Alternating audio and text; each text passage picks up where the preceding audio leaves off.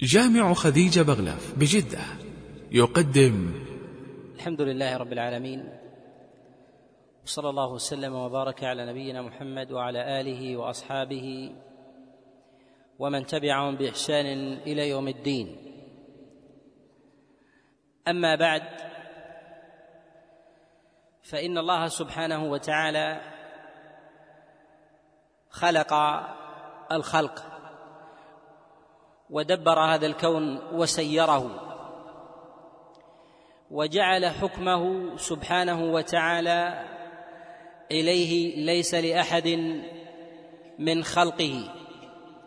فالله جل وعلا يدبر الأمور ويصيرها. لا يشاركه في ذلك أحد من مخلوقاته. وإن نازعه أحد بقوله أو بفعله فإن ذلك من أمور المنازعة الصورية. يمهل الله جل وعلا بها المنازع إلى أجل معلوم ثم يؤاخذه الله سبحانه وتعالى بجريرته ومنازعته تلك. والله سبحانه وتعالى متصرف في ملكه وكل ما عدا الله جل وعلا هو الكون المخلوق. ومن حكمة الله سبحانه وتعالى أن جعل العباد في هذه الأرض مختلفين متباينين من جهة الإدراك والنظر والتمييز بين الخطأ والصواب. وهذه الحكمة البالغة هي أصل الصراع والامتحان والاختبار الذي جعل الله جل وعلا الناس عليه.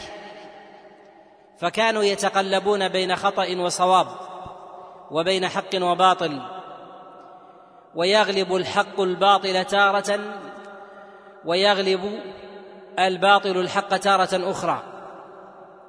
وذلك لاعتبارات دقيقة وحكم عظيمة تخفى على كثير من الخلق. وذلك أن الإنسان ربما يكون معه شيء من الباطل. الذي يأخذه بحسن قصد فيقابله صاحب حق أخذه بسوء نية وطوية فتغلب نية الباطل الحقه نية الحق الفاسدة. ولهذا يكون الإنسان بين مصارعة بين باطنه وظاهره. فالحق كما أن له ظاهر كذلك فإن له باطن. ولهذا فإن الله جل وعلا في تصرفه في الكون له اعتبارات وحكم تخفى على الخلق تخفى على الخلق بمجموعها وإن علموا شيئا منها. ولهذا تظهر كثير من معاني صفات الله جل وعلا وأسمائه لمن تأمل سنن الله جل وعلا في الكون. إن الله سبحانه وتعالى حينما خلق الخلق وسير الخليقة على نظام معلوم جعل الإنسان بعقله يخالف مراد الله سبحانه وتعالى فيما حدده له من جهة المأمور الشرعي. ولكنه يسير وفق نظام محدود بما يقدره الله جل وعلا له. ولهذا من انحرف عن أمر الله سبحانه وتعالى ومراده وخرج عن قضاء الله الشرعي وتكليفه سبحانه وتعالى لعبده المكلف كان ذلك الخارج أقل مرتبة من الجماد وذلك أن الجماد لا يوجه إليه الخطاب الشرعي وإنما يوجه إليه وإنما يوجه إليه الأمر القدري.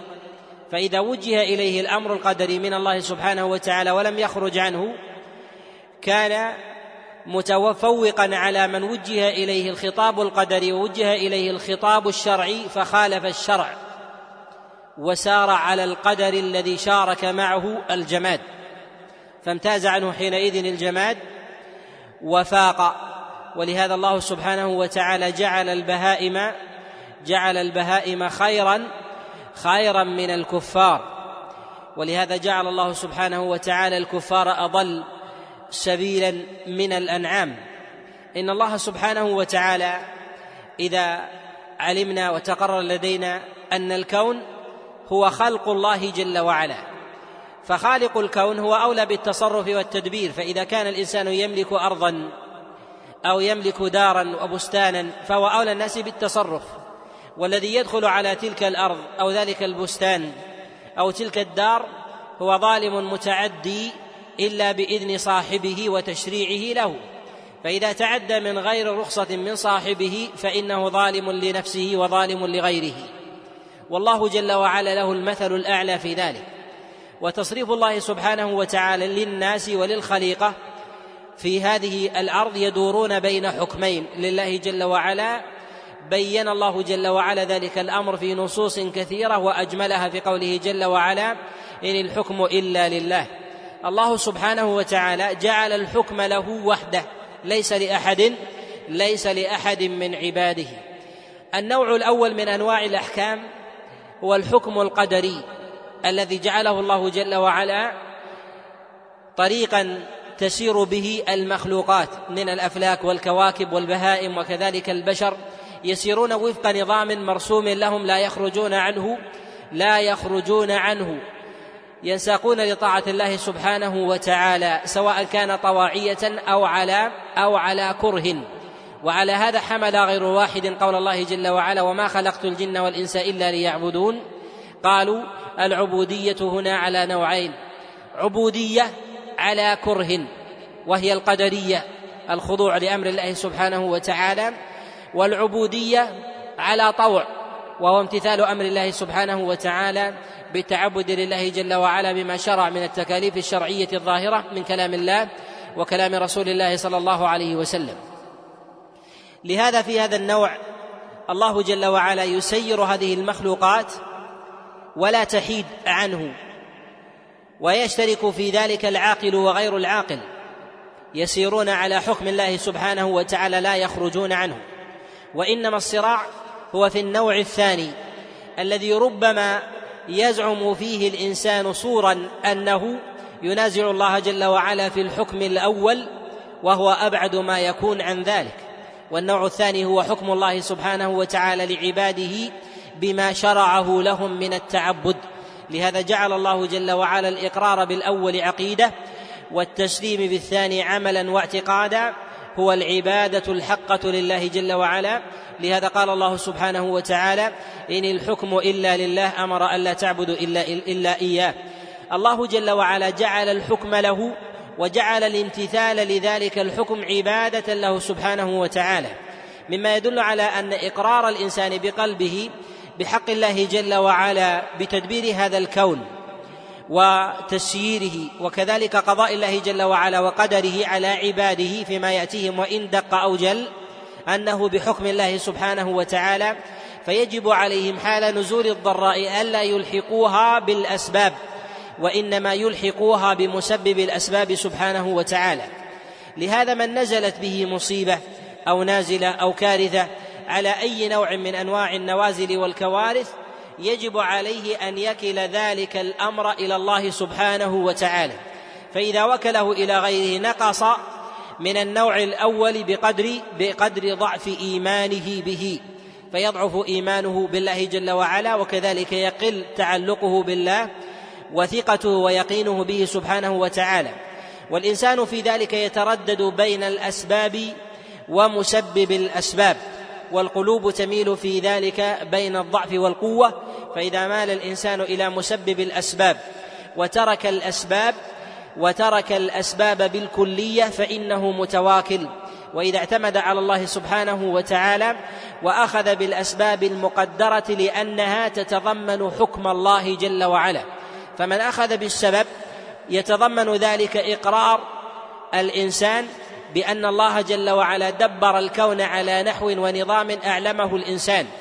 فإذا كان ذلك يتضمن وجود الأسباب وجب عليه أن يأخذ بالأسباب لأنها داخلة في حكم في حكم الله سبحانه وتعالى. لهذا كملت شريعة الإسلام بإرجاع الإنسان إلى الله جل وعلا بالتعلق به باعتبار أنه مسبب الأسباب جل وعلا وكذلك باعتماد الإنسان بأخذ الإنسان بالأسباب التي جعلها الله سبحانه وتعالى. فيتقي الإنسان بلباس بردا وبلباس حرا ويتقي الإنسان بالسكن الهواء والشمس وغير ذلك. وهذا وهذا من الأخذ بالأسباب. وإن كانت في ذاتها بذاتها من غير أمر الله سبحانه وتعالى وحكمه لا تقدم للإنسان شيئا ولا تؤخر. ولهذا الله سبحانه وتعالى ينزع من هذه الأسباب خاصيتها متى ما شاء. ولهذا لما وضع قوم إبراهيم إبراهيم عليه السلام في النار أمر الله جل وعلا النار أن تكون بردا وسلاما على إبراهيم. فكان هذا السبب نزع منه نزع منه أثره. فكان الله سبحانه وتعالى حينما اعتمد إبراهيم حينما لم يستطع أن يدفع ذلك السبب بيده أو بشيء من الأسباب المشروعة اعتمد على مسبب الأسباب. وهذا غاية توكل الإنسان على الله سبحانه وتعالى واعتماده واعتماده عليه. الأمر الثاني وهو الحكم الشرعي الذي أمر الله جل وعلا بأخذه وهو قضاء الله سبحانه وتعالى فيما قد فيما قضاه جل وعلا لعباده من الأوامر والتكاليف الشرعية. الذي التي يجب على الإنسان أن يمتثلها. فالله سبحانه وتعالى جعل وجوب الامتثال في الأحكام الشرعية الخطاب فيه يظهر من الخطاب في الامتثال للحكم الأول وهو القدري لأن الإنسان لا يملك أن ينصرف أو يختار في قضاء الله سبحانه وتعالى ما شاء وإنما بالنسبة لحكم الله الشرعي هو موضع الامتحان والاختبار فإن الإنسان يتردد بين يتردد في ذلك بحسب توفيق الله جل وعلا وإعانته له وبحسب أيضا إيمانه بالله جل وعلا وامتثاله لأمره ونهيه. ويظهر في ذلك الصالحون ويظهر في ذلك ويظهر في ذلك من دونهم من المقصرين من من المقصرين والعصاة والفسقة والمنافقين والكفار والظلمة وغير ذلك تظهر يظهر تعنتهم ومخالفتهم لأمر الله جل وعلا بحسب مخالفتهم بحكم الله سبحانه وتعالى الثاني وهو أمر الله جل وعلا وقضائه وقضائه الشرعي. إن حكم الله سبحانه وتعالى الشرعي الذي ينبغي للإنسان أن يكون على بصيرة ومعرفة به أن هذا الحكم على نوعين.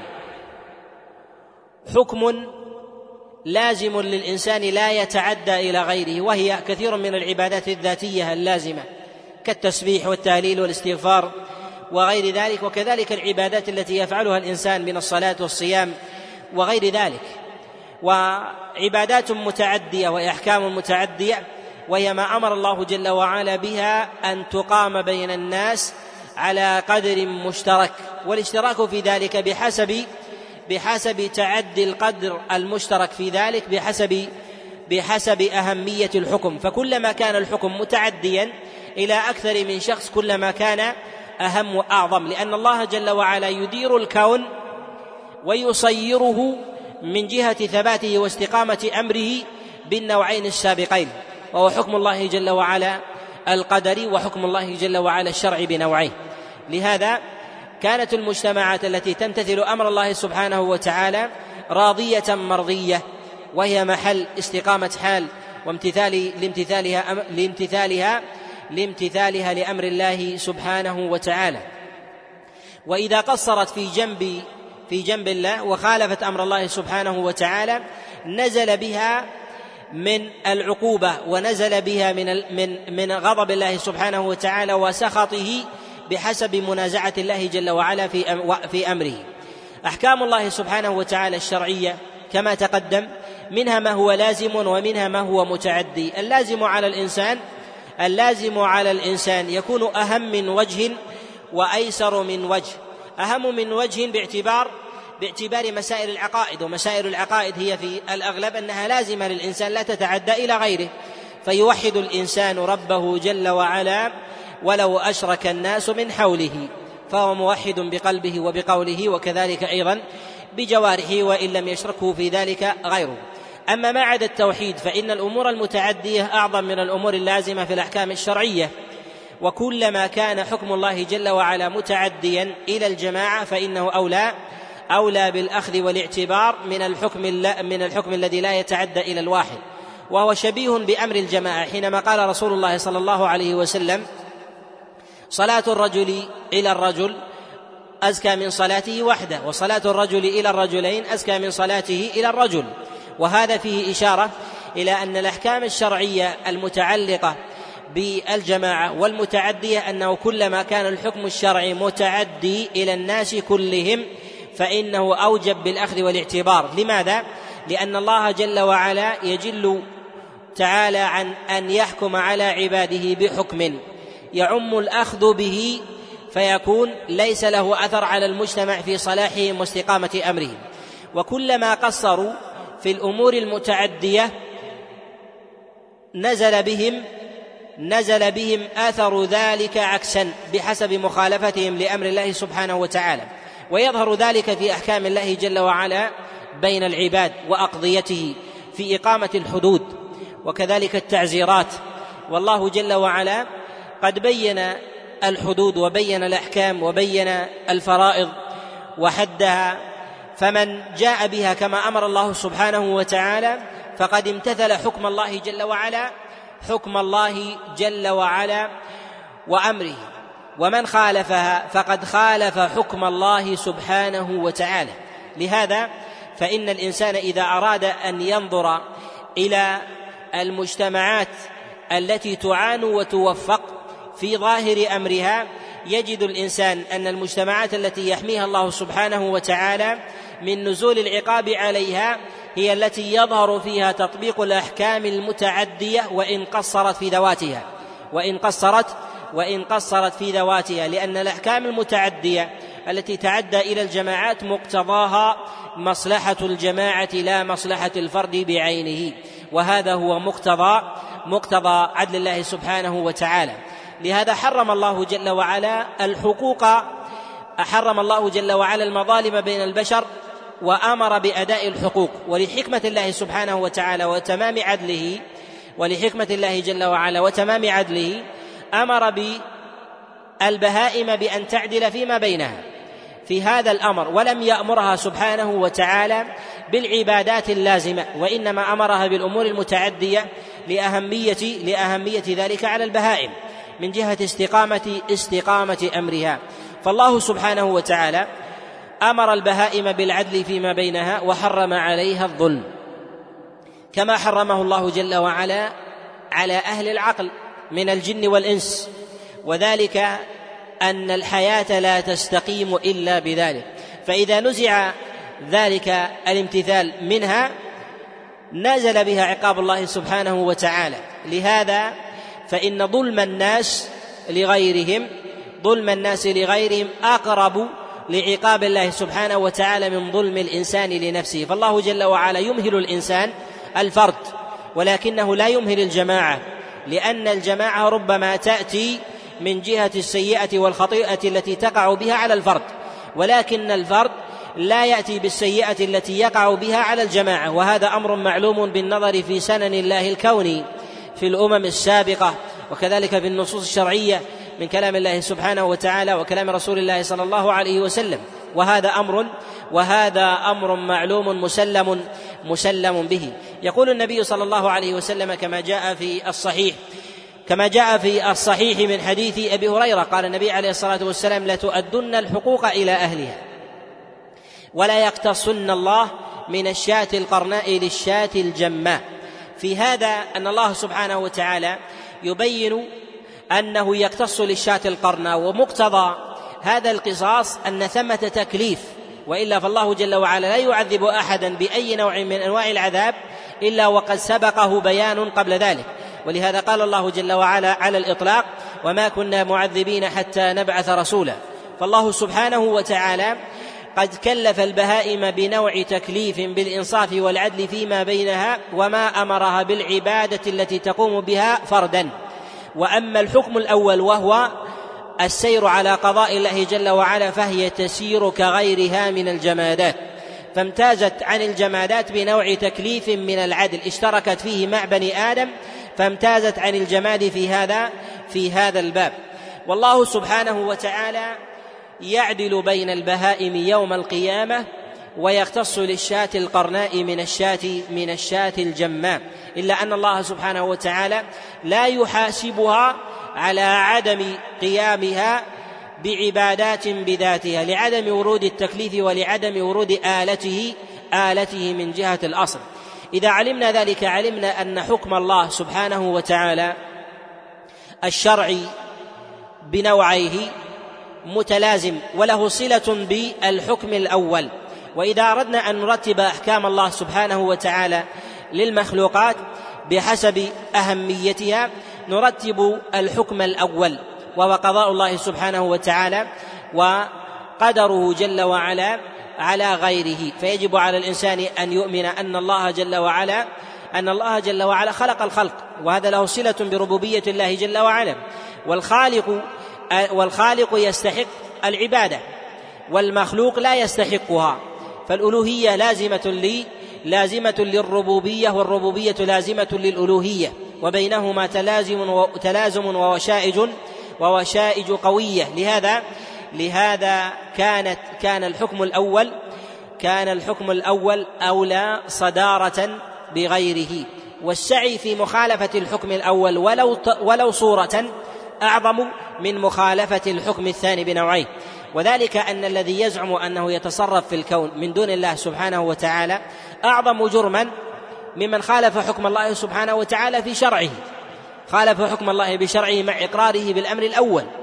فمن نازع الله جل وعلا بحكمه وقضائه في الكون كحال كثير من الظلمة والطغاة الذين الذين مكن الله جل وعلا لهم في الأرض نوع تمكين كحال فرعون وقارون وغيرهم من وغيرهم من بني إسرائيل ومن سبقهم أيضا من الأمم من الأمم الغابرة ومن جاء بعدهم أيضا من بني من بني إسرائيل. فإنهم إن نازعوا الله جل وعلا في أصل حكمه فإنهم يستحقون العقوبة عقوبة عاجلا. لهذا جعل الله سبحانه وتعالى المخالفين لأمره سبحانه على نوعين. قال الله جل وعلا في كتابه العظيم فاصدع بما تؤمر وأعرض عن المشركين إنا كفيناك المستهزئين.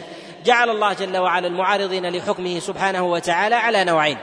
نوع كفروا في ذاتهم فلازموا الكفر من غير تمرد على سنن الله في الكون. ونوع قد استهزأوا فزادوا في فزادوا في المخالفة تمردا وخروجا عن حكم الله القدري صورة وإن انساقوا في أمر الباطن فهؤلاء مكفيون مكفيون يكفون أهل الإيمان هؤلاء بأن الله سبحانه وتعالى لا يمكن لهم في الأرض. لهذا من نظر إلى سنن الله جل وعلا في الأمم يجد أن الله سبحانه وتعالى يجعل الخليقة والجماعة والأمة وكذلك البلدان التي تمتثل أمر الله سبحانه وتعالى ولو ظاهرا حتى وإن خالفت باطنا في ما بينها في الأمور المتعدية أن الله جل وعلا يجعل لها تمكينا في الأرض بخلاف بخلاف غيرها. ولهذا فإن الإنسان كلما نقص بامتثال حكم الله سبحانه وتعالى كان أقرب إلى لحوق العقاب إلى لحوق العقاب به. والناظر والمتأمل في في سنن الله جل وعلا للأمم يجد أن الله سبحانه وتعالى لا يعاقب الأفراد في الدنيا عقوبة تامة إلا بمنازعة الله جل وعلا في حكمه في حكمه في قضائه وقدره. ولا يعاقب الله جل وعلا الفرد بمخالفته لحكم الله جل وعلا في شرعه إذا كان ذلك لازما له لا يتعدى إلى غيره. وذلك لعظم الأول لعظم الأول وشدته. وكذلك لأن الأول يلزم منه التعدي بالمظالم ولا يصدر في الأغلب إلا من تمكن في الأرض من أهل من أهل الترف والحكام والسلاطين والذين يأمرون وينهون من المترفين وغير ذلك فإنه يبدر منهم من, من البغي والظلم في حق الله جل وعلا وحكمه الأول ما لا يظهر ما لا يظهر في الثاني. فإن الثاني يتبع فإن الثاني تابع للأول. والأول ليس بتابع للثاني كما كما لا يخفى. لهذا ينزل الله جل ينزل الله جل وعلا عقابه على الأمم ولو كان الظالم واحدا إذا كان الظلم قد استشرى. إذا استشرى في مجتمع من المجتمعات أو في بيئة من البيئات أخذ الله سبحانه وتعالى المجتمع بكامله. والنجاة في ذلك هي في مقاومة ذلك ذلك تلك المخالفة. وذلك العناد والاستكبار وذلك بالإصلاح. ولهذا قال الله سبحانه وتعالى وما كان ربك ليهلك القرى بظلم وأهلها وأهلها مصلحون. ويقول النبي صلى الله عليه وسلم كما جاء في كما جاء في الصحيح حينما قام في ليلة من الليالي وقال ويل للعرب من شر قد اقترب اليوم فتح من ردم يأجوج ومأجوج هكذا. وحلق بين أصبعه السبابة والإبهام. فقالت عليه رضوان الله تعالى أنهلك وفينا الصالحون؟ قال نعم إذا كثر الخبث. وذلك أن الصلاح لازم وليس بمتعدي والظلم متعدي وليس بلازم. فغلب الظلم المتعدي على على الصلاح اللازم. وهذا أمر وهذا أمر هو سبب نزول العقوبة في المجتمعات. والله سبحانه وتعالى والله سبحانه وتعالى يمهل الظالم حتى تتعدى مظلمته إلى غيره. فإذا كانت المظلمة لازمة في نفسه فظالم لنفسه بالتقصير بالتقصير فيها فإن الله جل وعلا لا ينزل عليه عقوبة في الأغلب حتى يستشري ذلك الظلم فيتعدى إلى غيره. فإذا تعدى إلى غيره نزلت به نزلت به العقوبة المقدرة المشابهة لذلك الظلم المتعدي. فإذا كان الظلم عظيما كانت العقوبة في ذلك عظيمة. وإذا كانت وإذا كانت المظالم يسيرة كان عقاب الله سبحانه وتعالى عليه في ذلك في ذلك يسير. والله سبحانه وتعالى يأخذ الظلم في مخالفتهم لأمر الله سبحانه وتعالى وحكمه بحسب بحسب المظالم التي يعدون التي يتعدون بها بها إلى غيرهم من العباد. لأن الله جل وعلا سير الكون بعدله قدرا. وأمر العباد أن يقيموا الحكم حكمه جل وعلا بين العباد حتى يستقيم الأمر فيما فيما بينهم. فجعل لهم شيئا من التصرف يخيرون فيه فبقدر تفريطهم يختل ذلك الأمر. فكأنما اختل فكأنما اختل نظام مخلوق من من هذه المخلوقات لمخالفتها لشيء يسير لقضاء الله جل وعلا. لو كان ذلك وما هو وما هو بكائن وإنما أراد الله سبحانه وتعالى أن يبين أن انتظام الكائنات الجمادة التي تنساق لحكم الله سبحانه وتعالى لأنها ليست بمخاطبة بشيء من التكاليف الشرعية فتخير هي أشد انتظاما وأظهر سلامة من وأظهر سلامة من الإنسان فإن الإنسان ينظر إلى الكواكب والأفلاك في مسير في مسيرها يجد أنها على طريقة منتظمة لا لا تزول ولا تحصل فيها الكوارث ولا تحصل فيها الموبقات إلا إلا لأمر متعدي هو من مظالم بني آدم كالشهب التي ينزلها الله جل وعلا على مسترق السمع وكذلك على الظلمة وكذلك أيضا ربما أنزل الله جل وعلا شيئا من العقوبات بسبب ذنوب بني آدم في مخالفتهم لحكم الله سبحانه وتعالى شرعا. لهذا أمر الله جل وعلا بامتثال أمره شرعا وجعل المخالف لأمره المخالف لأمره ناصبا نفسه حكما من دون الله ومنازع أي منازعا أيضا لله جل وعلا في حكمه فالله جل وعلا جعل الحكم ملكا له ومستحقا له جل وعلا. من نازعه في ذلك نازعه في ربوبيته فالله جل وعلا حينما قال إن الحكم إلا لله يعني ليس ليس لغيره وليس لأحد وليس لأحد في ذلك في ذلك حق. فمن حكم بغير ما أنزل الله جل وعلا في مجتمع من المجتمعات فقد نازع الله سبحانه وتعالى في أمره. وهذا الأمر في مسألة المنازعه إذا في منازعة أمر الله جل وعلا في في حكمه في المجتمعات هو على نوعين. النوع الأول حكم يقوم به يقوم به إمام أو حاكم من الحكام ولكن هذا على سبيل على سبيل الإكراه. والمسلمون يريدون حكم الله جل وعلا. فعقوبة الله سبحانه وتعالى تنزل عليه بعينه لا تنزل على المجتمع بكامله. وإذا حكم بغير ما أنزل الله وبغير أمره فحلل وحرم وأخذ الناس يشرعون أو يسوغون له التشريع من دون الله بأنه يملك التشريع وأن يجعل الحرام حلالا والحلال حراما. من دون الله سبحانه وتعالى نزلت العقوبة حينئذ على على الجميع. وقد جعل الله جل وعلا ذلك منازعة لربوبية الله سبحانه وتعالى. ولهذا كما جاء عند الترمذي ورواه ابن جرير الطبري من حديث عدي بن حاتم عليه رضوان الله تعالى أنه سمع رسول الله صلى الله عليه وسلم يقول اتخذوا أحبارهم ورهبانهم أربابا من دون الله قال يا رسول الله وكان عدي عليه رضوان الله تعالى كان امرأ نصرانيا. قال يا رسول الله إنا لم نعبدهم. فقال عليه الصلاة والسلام أليسوا إذا حرموا ما أحل الله؟ حرمتموه. وإذا وإذا أحلوا ما حرم الله أحللتموه؟ قال نعم. قال فتلك فتلك عبادتهم. فإذا كانت هي العبادة تلك كما وصف رسول الله صلى الله عليه وسلم في هذه الخبر وكذلك كما هو في ظاهر هذه الآية دل على أن هذه العبودية أريد أن تنتزع من حق الله سبحانه وتعالى كما في الآية السابقة في قول الله جل وعلا إن الحكم إلا لله. فجعل الله جل وعلا الحكم له ثم بين أن هذا عبادة.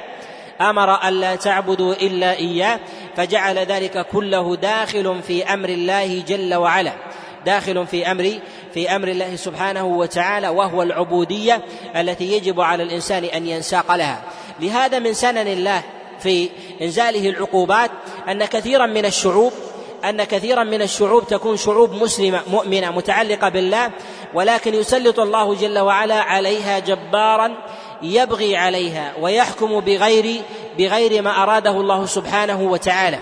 فيظلم ويزداد ظلمه ويتعدى إلى غيره فيقتل ويهتك الأعراض ويكشف العورات ويحل ويحل الحرام ويحرم الحلال وغير ذلك على كره من عامة من عامة المسلمين. فالعقوبة حينئذ تنزل بأولئك الأفراد. بخلاف إذا كان أولئك قد انساقوا إليه تبعا فإن العقوبة تأتي تامة كحال كحال فرعون وقومه. فإن الله جل وعلا فإن الله جل وعلا دمر ما يصنع فرعون وقومه وكذلك خسف الله جل وعلا بقارون وبداره الأرض فالعقوبة تكون متعدية للإنسان ومن معه. ولهذا جاء عن رسول الله صلى الله عليه وسلم جاء عن رسول الله صلى الله عليه وسلم بيان هذا الأمر وأن العبرة في ذلك في الأغلب في نزول العقاب. العبرة في ذلك في الأغلب. فإذا كان الأغلب من مجتمعات من المجتمعات التي يسلط عليها البغي تؤيد الباغي في بغيه تعدى الأمر تعدى الأمر أيضا إلى الخاص ليشمل تعدى الأمر إلى العام ويشمل معه معه الخاص. ولهذا قال النبي صلى الله عليه وسلم كما جاء في الصحيح بينما جيش أراد أن يغزو الكعبة إذ كانوا ببيداء من الأرض إذ أمر الله جل وعلا فخسف بهم الأرض. قالت عائشة يا رسول الله إن فيهم أسواقهم.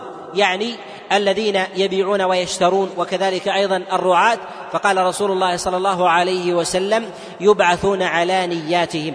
يعني أن هؤلاء الأسواق ليسوا هم السادة وليسوا هم السواد وليسوا هم الجمهور ولا الجماعة وإنما هؤلاء أفراد فيشمل ذلك فيشمل ذلك العقاب سائر سائر الناس. لهذا منازعة الله سبحانه وتعالى في أمره.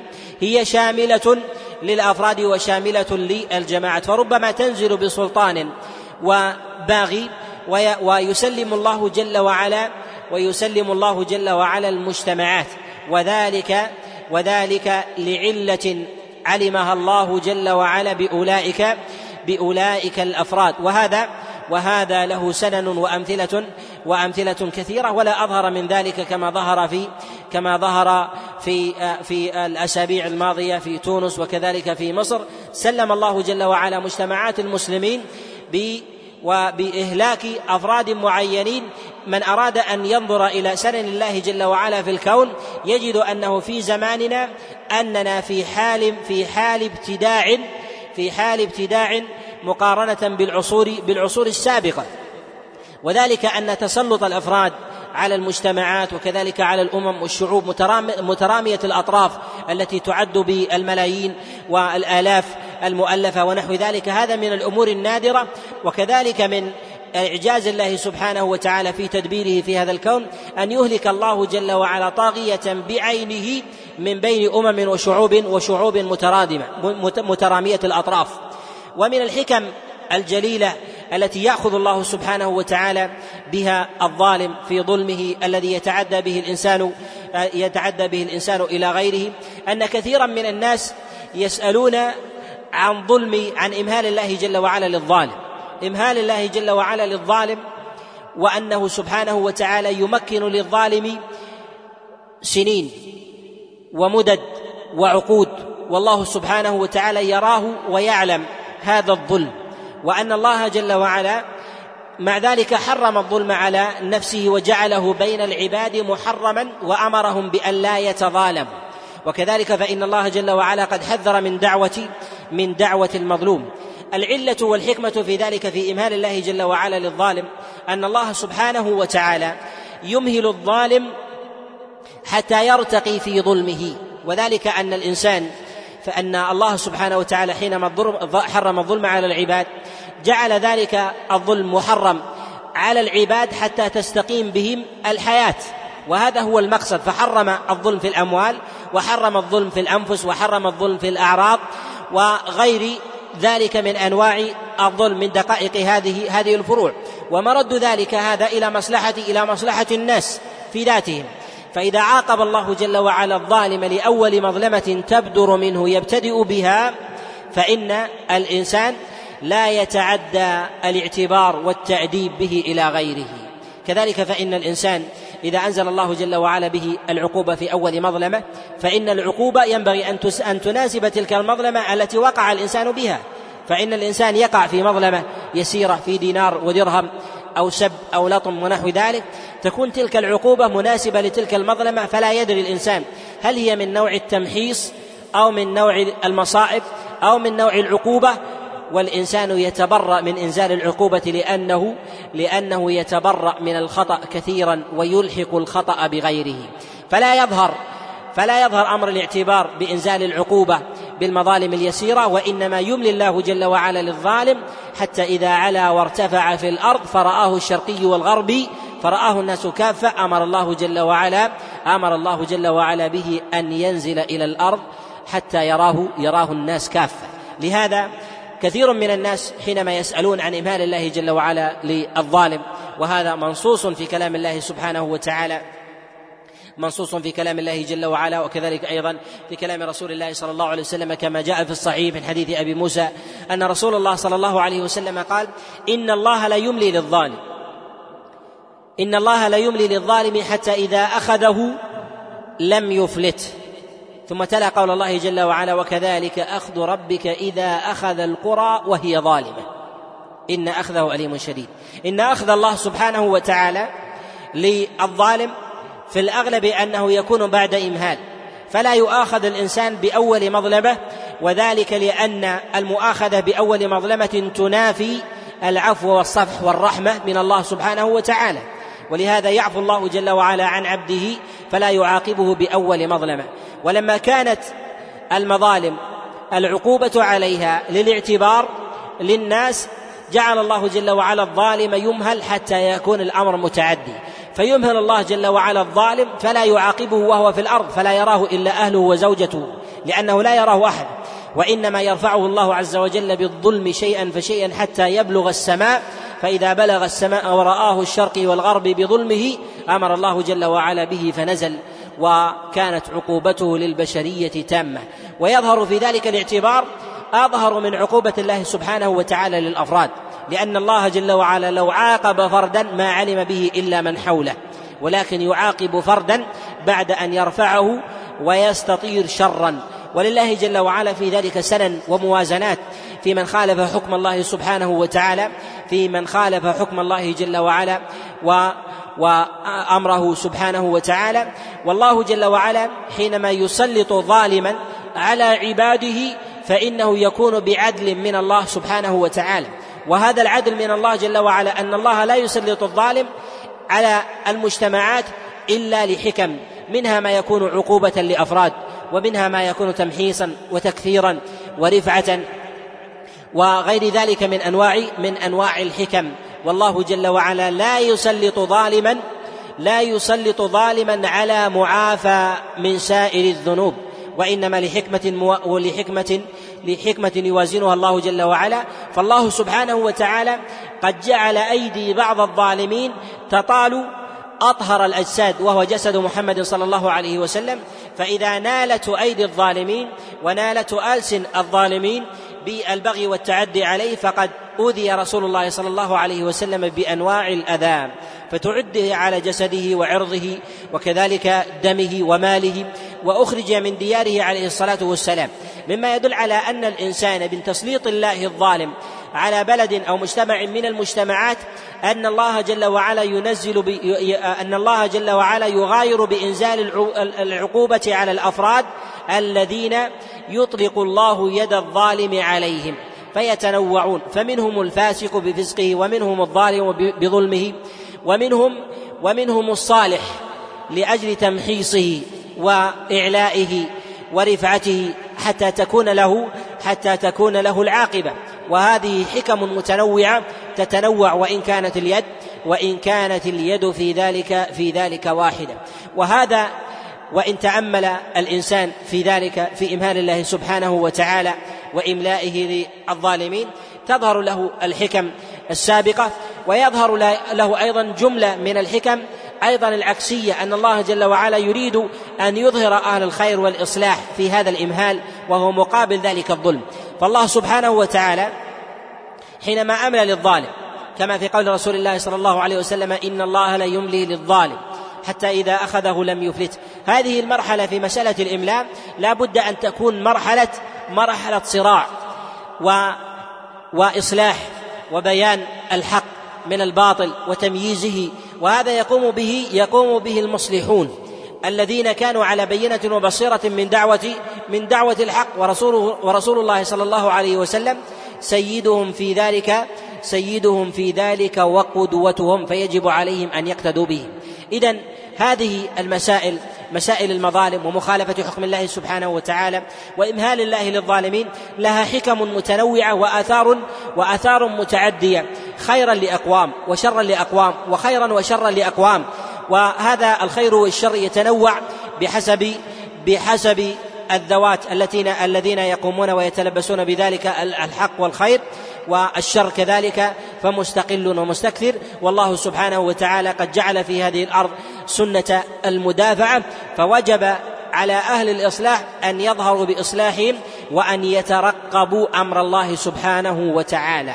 فالله جل وعلا فالله جل وعلا قد جعل السنن القدرية تكون صراعا بين المؤمن والكافر والكون وإرث الأرض يكون بين المؤمن والكافر وبين الصالح والفاسد وغير ذلك وأما ما يوفق الله جل وعلا من حكمه الشرعي فإنه لا يوفق لا يوفق إليه إلا من أحب. وأما بالنسبة لحكم الله وقضائه القدري فإن الله جل وعلا يعطي منه يعطي منه ما يشاء. لهذا الأرض لله يورثها من يشاء من عباده والعاقبة للمتقين. الله جل وعلا ذكر أن الأرض له ثم ذكر أنه يورثها يعني أنها تنتقل من فرد إلى إلى آخر والعاقبة للمتقين يعني أنها كانت قبل ذلك لغيرهم. فالله سبحانه وتعالى قد جعل ذلك الصراع هو من مواضع الامتحان والاختبار والاختبار للعباد ليميز الله جل وعلا ليميز الله جل وعلا الخبيث من الطيب. ويظهر هذا أيضا أن الله سبحانه وتعالى حينما يمكن لعبد من عباده في الأرض سواء كان من أهل الخير أو كان من أهل الشر. أن ذلك أن ذلك من انواع من أنواع الابتلاء والاختبار. ليميز الله جل وعلا حال الصالح في حال صلاحه هل يشكر أم يكفر. وفي وحال الفاسق الخارج عن أمر الله سبحانه وتعالى إما أن يملي له ليزداد غيا في غيه وإما أن يرجع فيما أن يرجع فيما هو عليه. والعقوبة في ذلك ربما تأتيه في أول طريقه وربما تأتيه بآخر طريقه أو في أوسطه بحسب حكمة الله سبحانه وتعالى المتعدية التي أراد الله جل وعلا بها الاعتبار المتعدي للغير. وهذا من الحكم أيضا في مسألة في مسألة الإملاء. والإمهال من الله من الله سبحانه وتعالى. فإن الله جل وعلا يمهل العباد ولا يهملهم جل وعلا فيما يخالفون به به أمره. وأما ما ينبغي للإنسان أن يكون على بينة معه في في هذين الحكمين وهو حكم الله جل وعلا القدري وحكم الله جل وعلا الشرعي. أن يعلم أن الإنسان إذا بغى وتعدى في حكم الله الشرعي فإنه سينتهي به إلى مناقضة الله ظاهرا في حكمه في حكمه القدري. فالذي يبتدئ يبتدئ بمعصية في مخالفة أمر الله سبحانه وتعالى في أمور العبادات بالهوى ونحو ذلك فإن هذا الأمر يتعدى إلى المكاثرة والمكاثرة بالمعاصي والذنوب ومخالفة أمر الله سبحانه وتعالى حتى تصل إلى مرتبة التشريع من دون الله جل وعلا فتكون تلك المعصية تشريعا ويكون ذلك ويكون ويكون ذلك الكفر دينا بعد أن كان أن كان كفرا وتكون تلك الشهوة شبهه فإذا كانت الشهوة شبهة فتتعدى الشبهة بعد ذلك إلى أن تكون عقيدة فهو طريق يوصل إلى يوصل إلى الشهوات وهذا أمر معلوم أن الشهوات طريق يوصل إلى يوصل إلى الشبهات وأما الشبهات فإنه لا يلزم أن توصل إلى إلى الشهوات كما هو كما هو معلوم. لهذا ينبغي للإنسان أن يعلم أن الله سبحانه وتعالى يحمي الإنسان يحمي الإنسان المخالف لأمره وحكمه جل وعلا ويملي له ما لم يصل إلى مناقضة أمر الله سبحانه وتعالى وحكمه القدري. فإن تعدى إليه فإن مقتضى ذلك تعدي المظالم إلى غيره. فلا تكون المظالم لازمة لنفسه وهذا أمر معلوم. ولهذا جاءت الشرائع في سنن الكون وإقامة الحدود والتعزيرات وكذلك قوانين الشريعة وأنظمتها بضبط أحوال الناس وحتى ينساقون على نظام متحد تنزع فيه المظالم وتعاد فيه الحقوق إلى أهلها حتى يستقيم في ذلك أمر الناس. فإذا خالف الإنسان أمر الله جل وعلا في الأغلب أنه لا يخالفه إلا إلا مع قناعة بأحقية المخالفة في ذلك من أحقية التشريع كما يفعله كثير من كما يفعله كثير من السلاطين الذين يشرعون الذين يشرعون من دون الله شرائع تخالف أمر الله سبحانه وتعالى وحدوده وحدوده وأحكامه. فإذا وصلوا إلى هذه المرتبة فإن ذلك بحسب المظلمة المتعدية من ذلك الحكم فإن كثيرا من الأحكام التي تخالف أمر الله سبحانه وتعالى تخالفها باطنا وربما توافقها ظاهرا. وهذا أيضا من دقائق ما يدفع البلاء عن كثير من الأمم. كثير من الأمم تخالف أمر الله سبحانه وتعالى في حكمه جل وعلا وقضائه في الأمور المتعدية.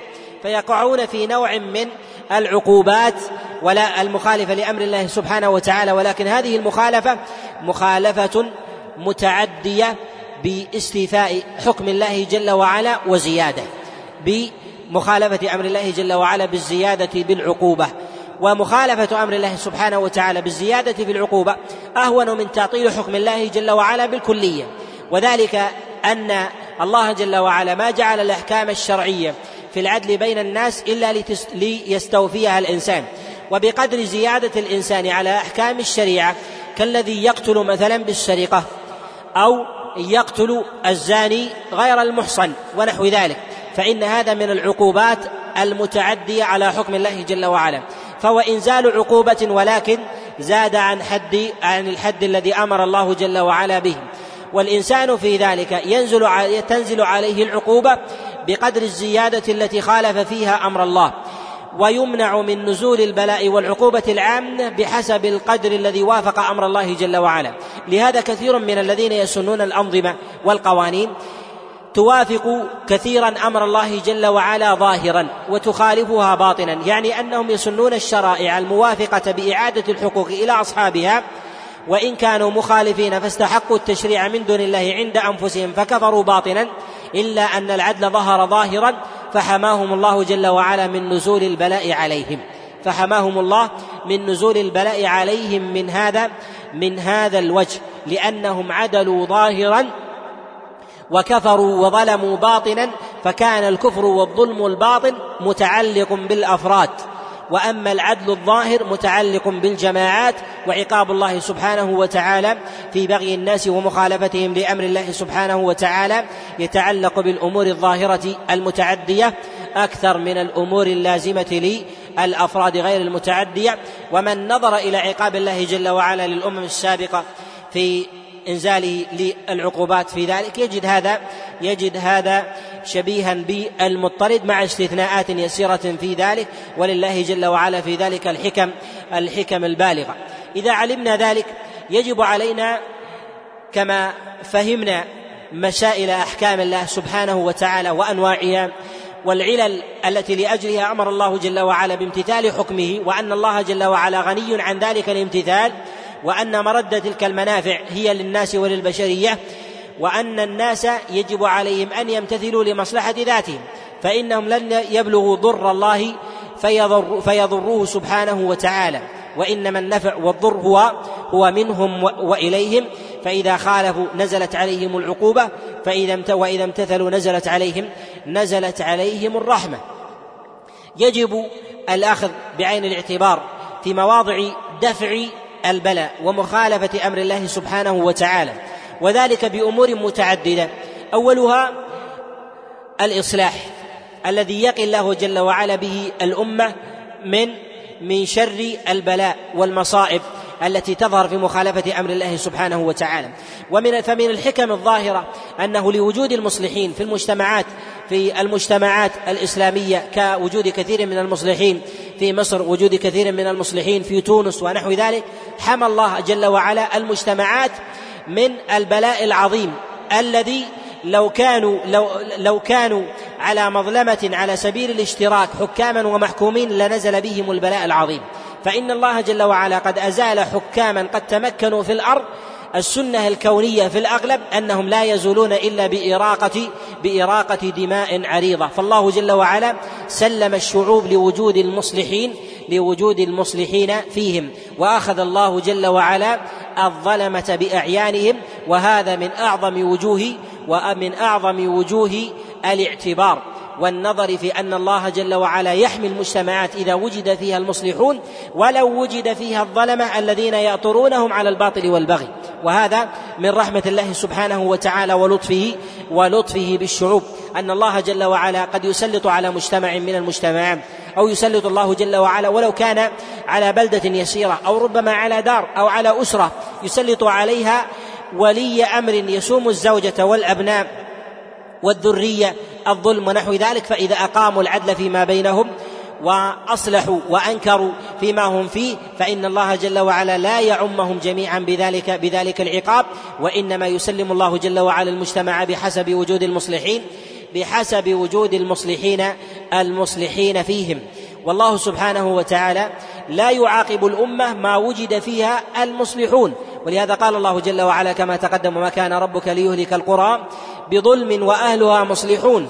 فإذا وجد المصلح ولو وجد الشر واستطار فإن الله جل وعلا يحمي البلد من العقاب. وأما إذا وجد الصالح فدفع الصالح ولو كان أكثر صلاحا في ذاته من المصلح في ذاته. لأن أمر المصلح متعدي وأمر الصالح لازم. المصلح يدفع البلاء اليسير ولكنه لا يدفع البلاء العظيم. لهذا قال رسول الله صلى الله عليه وسلم حينما قالت له أم المؤمنين يا رسول الله أنهلك وفينا الصالحون؟ قال نعم. هل هو على الإطلاق؟ لا. قال إذا كثر الخبث. اذا هو يدفع الخبث اليسير. وجود الصالحين يدفعون الخبث اليسير. لهذا الله جل وعلا يرحم أهل الدار بوجود صالح فيهم ولو لم يكن مصلح. ويرحم الله جل وعلا ويرحم الله جل وعلا ربما أهل بلدة بوجود صالحين فيهم. ولكن إذا كثر فإن دفع الصالح بصلاحه لا يتعدى إلى لا يتعدى إلى الشر إلى الشر العظيم. إن وجود الإصلاح في مجتمع من المجتمعات يحمي الله سبحانه وتعالى به المجتمع ولو كان المصلح في ذلك واحدا. ولو كان المصلح في ذلك واحدا. لماذا؟ لأن الله جل وعلا جعل الحماية في وجود المصلح بذاته لأن المراد بالإصلاح هو إصلاح العقائد كما هو إصلاح إصلاح الظواهر. الإنسان حينما يكون مصلحا ويدفع شر يوجد في الأمة أو يدعى إليه ونحو ذلك لو لم يستجاب لو لم لو لم يستجب لقوله فإنه من المصلحين. لماذا؟ لأن الأنبياء والمرسلين واجهوا واجههم أقوامهم بحجة إنا وجدنا آباءنا على أمة. ما هي هذه الأمة؟ على منهج وطريقة. هذه الطريقة كانت محل إجماع. أين المصلحين؟ لا يوجد لا يوجد مصلحون في ذلك. وإنما لو وجد مصلح واحد لما قالوا إنا وجدنا آباءنا على أمة على منهج. لو وجد من آبائهم مصلح ولو خالف من جهة العمل. لهذا المصلح يمنع هذه الحجة من جيل يأتي. يقول أننا لم نكن على هذا الأمر ولم يأتي أحد بهذا الحكم إلا أنت. وذلك أي أنه قد حجب في قرن من الزمن أو في عقد من الزمن. لهذا لجهل بعض بعض الناس يقولون في الجهل في الحق الذي يجهلون حقيقته يقولون لا نعلم من أتى بهذا الحكم إلا أنت أو لا لا نعلم من أتى بهذا الحكم وهذه وهذه الشريعة إلا إلا فلان أو أنتم ونحو ذلك. وذلك لأنه ثمة حقبة من الحقب أو بلدة من من من البلدان عاش فيها أولئك قد غاب عنهم المصلح ولكن ذلك الغياب إن وجد في الأمة فإنه لازمه أن المخالفة والفساد يكون باطنا وظاهرا. لأن كثيرا من الناس يفعل المخالفة والإفساد في الظاهر ولكن في الباطن يقر بأن هذا من الأمور الخاطئة. لهذا كثير من الناس يسرقون ويزنون ويشربون الخمر ويقعون في الكبائر. لماذا؟ لأن هذه الفواحش وغيرها قد فتحت أبوابها لهم. ولو سئروا في قرارة أنفسهم لقالوا حرام. من الذي بين لهم حرام؟ وجود المصلحين ولو لم يمتثلوا ظاهرا. فالله جل وعلا يحمي الأمة من نزول هذا العقاب على أمثال هؤلاء المفسدين بوجود المصلح الذي أصلح السرائر وإن فسدت البواطن. لأن البواطن تصلح السرائر لأن البواطن تصلح الظواهر وأما الظواهر فلا تصلح فلا تصلح البواطن بل هي من علامات بل هي من علامات النفاق. لهذا وجود المصلحين في الأمة من الأمور المهمة التي يحمي الله جل وعلا بها التي يحمي الله جل وعلا بها الأمة من نزول العقاب. ولهذا موسى عليه السلام قال لقومه استعينوا بالله واصبروا. إن الأرض لله يورثها من يشاء. الله سبحانه وتعالى أمر بالاستعانة والصبر. الاستعانة عليه ومن أعظم أنواع الاستعانة أن يهتدي الإنسان بما مده من أسباب العون لعباده. وأسباب العون لعباده أن يأخذوا بمعاول الإصلاح ومعاول الإصلاح هي الأدلة من الكتاب والسنة الا يأخذ الإنسان بمعاول الذوق والحس.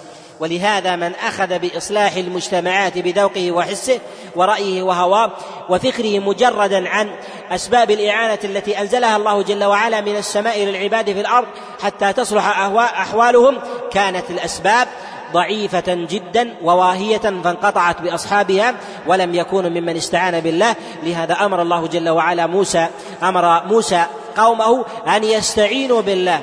قبل أن يباشروا الإصلاح في ذلك وأعظم أنواع الاستعانة هو الاتكال على الله جل وعلا باطنا وظاهرا بالاعتماد على ما أمر الله سبحانه وتعالى بالأخذ به بالاعتماد على كتابه وكذلك وحيه جل وعلا وما أمر الله سبحانه وتعالى بتقديم ومن من مراتب الأوامر وكذلك معرفة المحرمات التي ينهى الإنسان عنها على سبيل التدرج لا على سبيل الحس والذوق.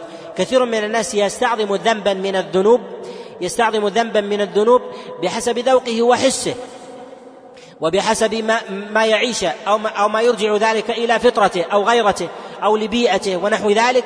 ولكن الله جل وعلا قد جعل موازين الأحكام بحسب تشريعه ما أنزله الله جل وعلا من مراتب. كذلك أيضا بالنسبة لدركات الشر هي أمور ينبغي للإنسان أن يأخذها على سبيل التوازن. وأعظم ما ما لا يفلح به المصلحون هو انهم يجهلون مراتب مراتب الاستعانة بالله سبحانه وتعالى والأخذ بأسباب المدد من الله. يجهلون مراتب الخير ومراتب الشر فيخلطون في ذلك. ويقع التقصير والسلب في أثرهم في الإصلاح بحسب تقصيرهم في تلك في تلك المراتب. ولهذا يكون جهدهم قصيرا. وكثير من المصلحين يجتهد في إصلاحه ولكن أثره في ذلك ضعيف. وهذا لأسباب عريضه جدا من هذه الأسباب أن الله سبحانه وتعالى أن الله جل وعلا جعل مقادير قد جهل هذه الإنسان وهي البصيرة التي أمر الله سبحانه وتعالى بامتثالها. كما في قول الله جل وعلا قل هذه سبيلي أدعو إلى الله على بصيرة أنا ومن اتبعني. يدعو إلى الله لم يقل يدعو إلى غير الله ولكن مع الدعوة إلى الله لابد أن تكون على البصيرة. هي ما هي هذه البصيرة التي تزيد عن الدعوة إلى الله؟ أن هي معرفة المراتب. معرفة مراتب المأمور به الذي يصلح من الذي لا يصلح. لهذا كثير من الناس يشغلون أنفسهم بفضول المأمورات والدعوة إليها ويدعون الأصول العامة العظيمة. وربما استفرغ الإنسان وسعه وماله بمفضول أعمال البر والإصلاح. ويجهل الأمور العظيمة. ويقل نتاجه في ذلك وأثره في الأمة ويكون في ذلك أثره قاصر وربما يكون الإنسان فردا. علم مراتب الإصلاح على سبيل التحقيق فوفقه الله جل وعلا. ولو كان قليل ذات اليد قليل ذات الجهد قليل ذات قليل العلم. ليس بطريق اللسان ونحو ذلك فيوافقه الله جل وعلا ويسدده لأن الإنسان إذا كان حاذقا في رميه فإنه يرمي ولو رمى بسهم من خشب وإذا كان الإنسان لا يصيب ولو رمى ولو رمى بأدق النبال ضربا في ذلك وأدق الأسلحة فإنه لا ينفع من ذلك شيء وهذه سنة جعلها الله سبحانه وتعالى في إصابة الحق في إصابة الحق والباطل. وهذا في مسألة في مسألة ما ينبغي للإنسان أن يكون على بينة وبصيرة في ما تقدم مسألة الإصلاح وأهميتها وأنه لا ينبغي الإنسان أن يعلق إصلاحه بالتعثر ظاهرا بل أن نحافظ على البواطن أن نحافظ على البواطن مطلب. ولو وجد المخالفون ولو وجد الذين الذين يخالفون أمر الله جل وعلا ويشربون الخمر يكفينا منهم أن يقروا بأن الخمر حرام ولو فعلوه. ولو وجد في الأمة من يزني يكفينا أنهم يقرون بأن الزنا حرام ولو فعلوه. فإن هذا قدر عظيم من من أمور الخير وقدر عظيم من أمور الإصلاح فإن الإنسان إذا كسب ذلك كسب الحماية والنجاة لهذه الأمة. فقيام المصلحين بالإصلاح من الأمور المهمة لنجاة المجتمعات. وهذا أمر جعل الله جل وعلا لمثالين قد تقدمت الإشارة إليهما أن أنجى الله جل وعلا مجتمعات عريضة مترامية كثيرة العدد بوجود المصلحين فيها ولو كانوا يؤطرون على الباطل. وهذا من رحمة الله سبحانه وتعالى ولطفه ولطفه بعباده. ومن الأمور المهمة أيضا أن ينبغي للإنسان أن يعرف مقادير المظالم ومراتبها حتى لا تنزل به العقوبة ويظن أنه على ويظن أنه على الحق. لهذا ينبغي للإنسان أن يعرف حدود ما له. وإذا عرف حدود ما له عرف ما لغيره. وإذا عرف ما لغيره عرف ما له. ولهذا بين رسول الله صلى الله عليه وسلم أن أموال الناس ودماءهم وأعراضهم حرام. وبين أن الحقوق التي تكون بين العباد لا بد فيها من الوفاء. في الدنيا وذلك لأنها متعلقة بعاجل لا متعلقة بآجل. ولهذا يقول النبي صلى الله عليه وسلم كما روى الإمام أحمد وأصله في البخاري معلقا من حديث عبد الله بن أنيس. قال عبد الله بن أنيس قال رسول الله صلى الله عليه وسلم يحشر الله العباد يوم القيامة حفاة عراة غرلا بهما فيناديهم الله جل وعلا بصوت يسمعه من قرب يسمعه من بعد كما يسمعه من قرب. فيقول جل وعلا أنا الملك أنا الديان. لا ينبغي لأحد من أهل النار أن يدخل النار وله عند أحد من أهل الجنة حق حتى يقصه منه حتى اللطمة. ولا ينبغي لأحد من أهل النار أن يدخل لأحد من أهل الجنة أن يدخل الجنة وعنده لأحد من أهل النار حق حتى يقصه منه حتى اللطمة. قالوا يا رسول الله كيف وإن نأتي الله جل وعلا حفاة عراة؟ قال بالحسنات والسيئات. لأن الوفاء قد انقضى. ومحله أنه يجب على الإنسان أن يعلم الحدود التي له وعليه فيؤديها لأصحابها. وإن لم يؤديها لأصحابها فإنه لا بد من القصاص يوم القيامة. لهذا يقول النبي صلى الله عليه وسلم كما في الصحيح من كانت عنده مظلمة لأخيه فليتحلله منها من قبل أن يأتي يوم لا دينار فيه ولا درهم. وجاء عن رسول الله صلى الله عليه وسلم أيضا كما في الصحيح قال يخرج المؤمنون من النار فيوقفون على قنطرة بين الجنة والنار فيوقفون على قنطرة بين الجنة والنار فيقتصون حقوقا كانت بينهم. أي أن الحقوق لا بد فيها من الوفاء في أمر الدنيا وإن لم يكن ثمة وفاء فالموازنة بالحسنات والسيئات. ترفع ترفع بها الحسنات وتزيد بها السيئات يرفع بها الإنسان درجة ويهبط بها الإنسان. مراتب بل ربما كانت دركات. وقد حذر رسول الله صلى الله عليه وسلم من دعوة المظلوم فكانت دعوة المظلوم ولو كان كافرا مقبولة. وقد قال النبي صلى الله عليه وسلم كما في كما في المسند من حديث أنس بن مالك قال عليه الصلاة والسلام اتق دعوة المظلوم ولو كان كافرا فإنه ليس بينه وبين الله حجاب.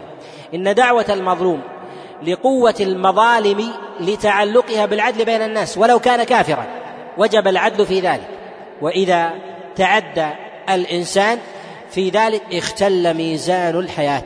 وإذا اختل ميزان الحياة فإن الله سبحانه وتعالى قضى على نفسه لشدة أنواع هذه المظالم ألا يجعل هذا النوع من الذنوب تحت تحت تحت مشيئته بالمغفرة. والله جل وعلا قد جعل أسباب المغفرة للعباد إما أن يغفر الله جل وعلا لعبده الذنوب والمعاصي فيجعل العبد تحت المشيئة سواء آه، كان كان الذنب صغيرا أو كبيرا ما لم يكن شركا. فإن الله جل وعلا أخذ على نفسه ألا يغفر للمشرك شركه إن الله لا يغفر أن يشرك به ويغفر ما دون ذلك لمن يشاء. كذلك أيضا الحقوق لقوة العدل ووجوب الوفاء به والأخذ بحكم الله سبحانه وتعالى الله جل وعلا لا يغفر المظالم التي بين الناس. ولو استغفر الإنسان مدى الدهر. فمن ضرب رجلا أو أخذ مال رجل وأراد أن يستغفر فإنه فإنه سلك طريقا للتوبة مسدود. سلك طريقا للتوبة مسدود. إلا في صور. إذا جهل الإنسان صاحب الحق ولا يدري أين أرضه. ومكانه ونحو ذلك فإن هذا باب المغفرة فيه مفتوح.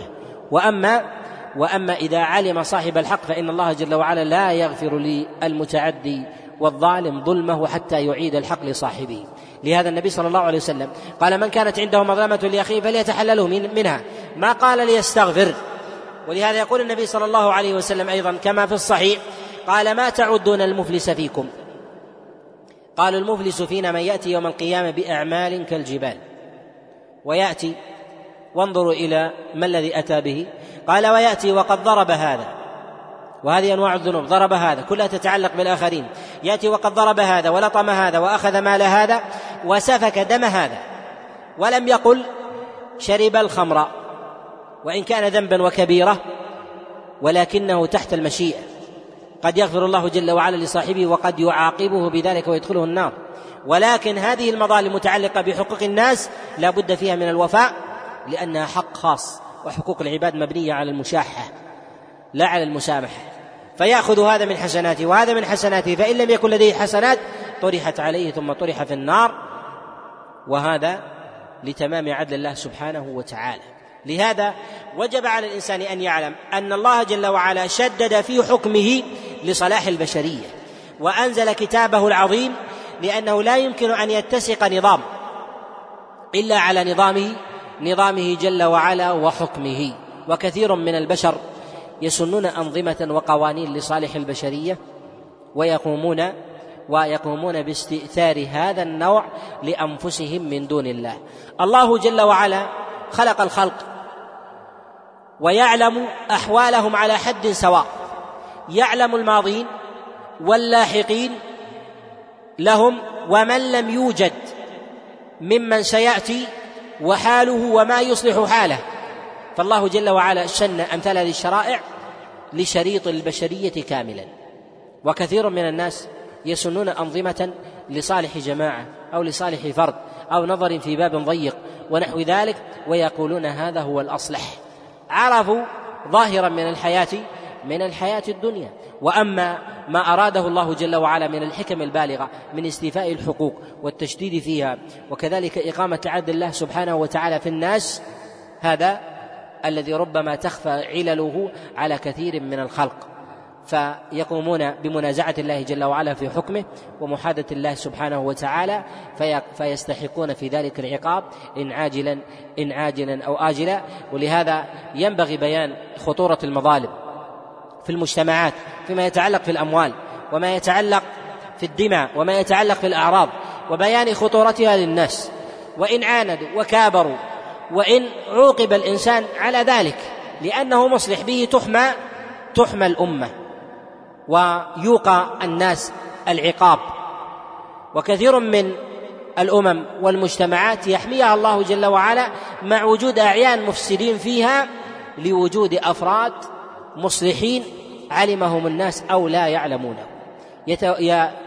يتنازعون الإصلاح في ذلك بين مستقل ومستكثر حتى يكمل الإصلاح فيرفع الله جل وعلا عقابه عن ذلك عن ذلك المجتمع. أسأل الله سبحانه وتعالى لي ولكم التوفيق وصلى الله وسلم وبارك على نبينا محمد. نستودعكم الله على أن نلتقي بكم قريبا. وتقبلوا تحيات إخوانكم من جامع خديجة بغلف بجدة. حي النسيم.